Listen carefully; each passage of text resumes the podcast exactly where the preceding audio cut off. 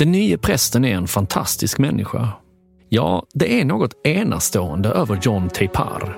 Med sin vältalighet, charm och elegans har han en rent magisk dragningskraft på sin omgivning. Gråhårig och lite fryntlig med välansad uppåtsvängd mustasch och stort leende.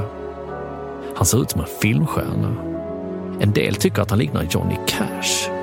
Alltid perfekt klädd i kostym, ibland med ett guldkors dinglande på bröstet. Och visst är det otroligt att en sån man, en sån intressant och världsvan man slår sig ner i lilla Växjö.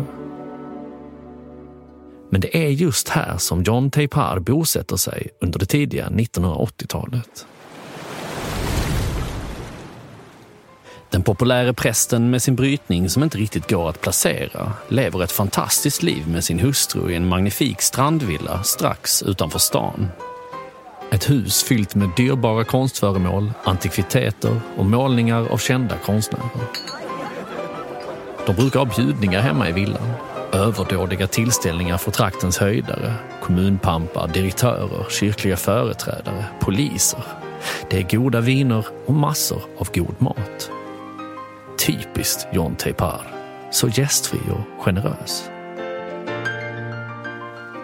Husets vita Zimmermann-flygel är tydligen en present från Ingvar Oldsberg. Och guldrolexen som John Teipar bär runt handleden är också en gåva. Från Frank Sinatra. Jo visst, självaste Frank Sinatra himself. Det finns ingen anledning att tvivla, för John Teipar har ett otroligt kontaktnät.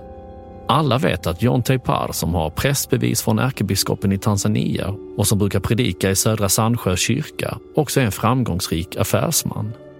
Väldigt framgångsrik. Det går inte att ta miste på. Han strör pengar omkring sig och åker taxi överallt. Vad affärerna går ut på är inte helt lätt att få grepp om. Men man får intryck av att han rör sig med miljonbelopp och handlar med guld och diamanter. I själva verket är John Teipar en livslång och professionell svindlare som under sin händelserika och på många sätt bizarra brottskarriär uppträder under en rad olika namn i många olika länder på flera av världens kontinenter. Lyxlivet i Växjö finansieras med hjälp av svindlerier och det är med Växjö som bas som man ska göra sitt livs största kupp. Ett jättebedrägeri riktat mot katolska kyrkan. Du lyssnar på Svenska bedragare. Jag heter Timmy Strandberg.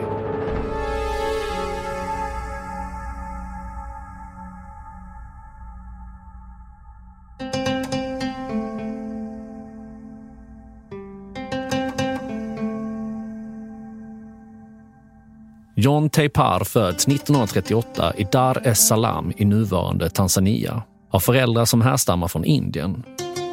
Under några år i slutet av 50-talet studerar han till präst i just Indien, men tar aldrig någon examen.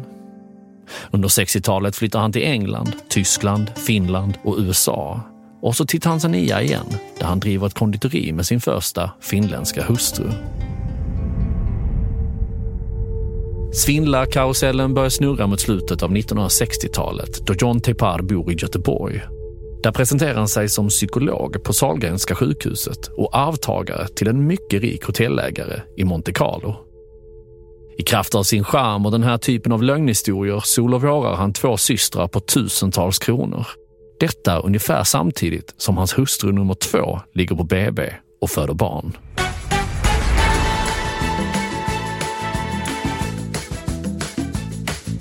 Någon medelmåttig grådaskig pyttipanna-tillvaro i något av Göteborgs miljonprogramsområde är förstås ingenting för den färgstarke John Teipar. Han har smak för livets goda, överger Sverige för nya äventyr jorden runt och fortsätter att stjäla och bedra. Kvinnorna blir förälskade i honom. Det är spännande att vara tillsammans med en indisk maharaja, en maffiakung, en oljeshejk eller vad han nu hittar på. Tandläkare, egenföretagare, försäljare och annat vanligt folk låter sig bländas och imponeras. Och gärna anförtror de sina livsbesparingar åt den trygge och trovärdige John Teipar. Han utlovar en fantastisk avkastning på sina till synes gedigna men helt icke-existerande fonder och investeringsprogram. Istället tar han människornas pengar, bränner allt på sitt påhittade lyxliv för att senare helt gå upp i rök när pengarna väl är förbrukade. Tekniken förfinas allt mer. Det gäller att vinna folks förtroende och driva det till sin yttersta spets och samtidigt spela på deras girighet. Utan människornas vilja att få något tillbaka så skulle det inte fungera. John Teipar är expert på det psykologiska spelet. Under sin kringflackande tillvaro lurar han till sig pengar och ägodelar till ett värde av 15 miljoner kronor, lågt räknat. Men allt det här, det är bara ett förspel. För det är alltså i Växjö som John Teipar sätter sin mest fantastiska plan i verket. Ett jättebedrägeri som ska göra honom ekonomiskt oberoende för resten av livet.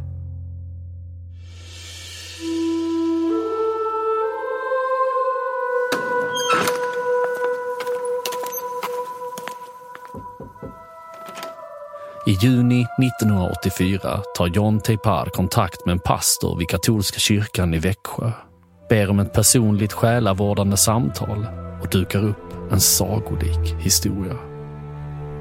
John Teipar påstår att han är beredd att skänka 600 miljoner dollar till den svenska katolska kyrkan. Pengarna sägs komma från en avliden amerikansk maffiaboss som före sin död drabbats av dåligt samvete. Det är därför han har anförtrott jättesumman åt sin gode vän, prästen John Teipar. Och nu är det meningen att pengarna via kyrkan ska göra nytta bland samhällets allra mest fattiga och utsatta. Kruxet är bara att de amerikanska advokaterna behöver en viss provision motsvarande 55 miljoner svenska kronor för att gåvoöverföringen ska vara möjlig att genomföra. Pengar som John Teipar i förväg behöver få ut av kyrkan. Trots att John Teipard inte kan presentera någon som helst skriftlig dokumentation tar den katolska kyrkan i Sverige uppgifterna om den väldiga donationen på väldigt stort allvar.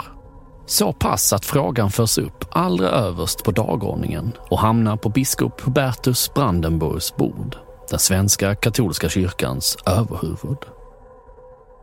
John Teipar är som vanligt mycket förtroendeingivande. Kyrkan är snart med på noterna, startar en stiftelse som ska förvalta pengarna och öppnar ett konto för donationen i Liechtenstein. Men samtidigt är den svenska polisen John Teipar på spåren. De har under de senaste två åren bedrivit en intensiv spaningsverksamhet och byggt ett case starkt nog att fälla den charmige prästen. I samma veva som den katolska kyrkan är i full färd med att skaffa fram provisionspengarna så griper polisen honom i den ståtliga strandvillan en kall vintermorgon 1985. Men det är inte slut med föreställningen. John Tepard förvandlar rättegången till en farsartad teater där han i svart Hugo Boss-kostym fortsätter att charma sin publik och själv bär fram extra stolar så att fler ska få chansen att lyssna. Det är tråkigt att säga det, men både Gud och Satan finns i mig, säger John Teipar när han döms till fem års fängelse. Ett straff som han tack vare sin skötsamhet och sitt manipulativa sätt lyckas ta udden av med en stor del permissioner. Under en av dem börjar han bearbeta ett Jönköpingspar som efter hans frigivning överlämnar dryga en miljon kronor som investering i ett, enligt John Teipar, lönsamt hotellprojekt utomlands. Pengarna försvinner naturligtvis, precis som John Teipar. Först till en lyxsvit på Seychellerna och sen vet man inte riktigt. Under flera år försöker polisen få honom utlämnad från Kenya och Tanzania innan han dör i grym ensamhet 2001 av lungcancer i Baroda i Indien. Den makalösa historien om John, eller svindlarprästen som han också kom att kallas, fyller löpsedlar och första sidor. När röken skingrats många år senare skriver John Teipars son Alexander Motori en roman om sin svekfulla, komplicerade far som hörde hemma överallt och ingenstans och som i grunden var omöjlig att förstå sig på. Han begravs på St. James kyrkogård i Baruda. men inte som Teipar utan som John Peter Daniels. Och frågan som kvarstår är, vem var den där svindlarprästen egentligen?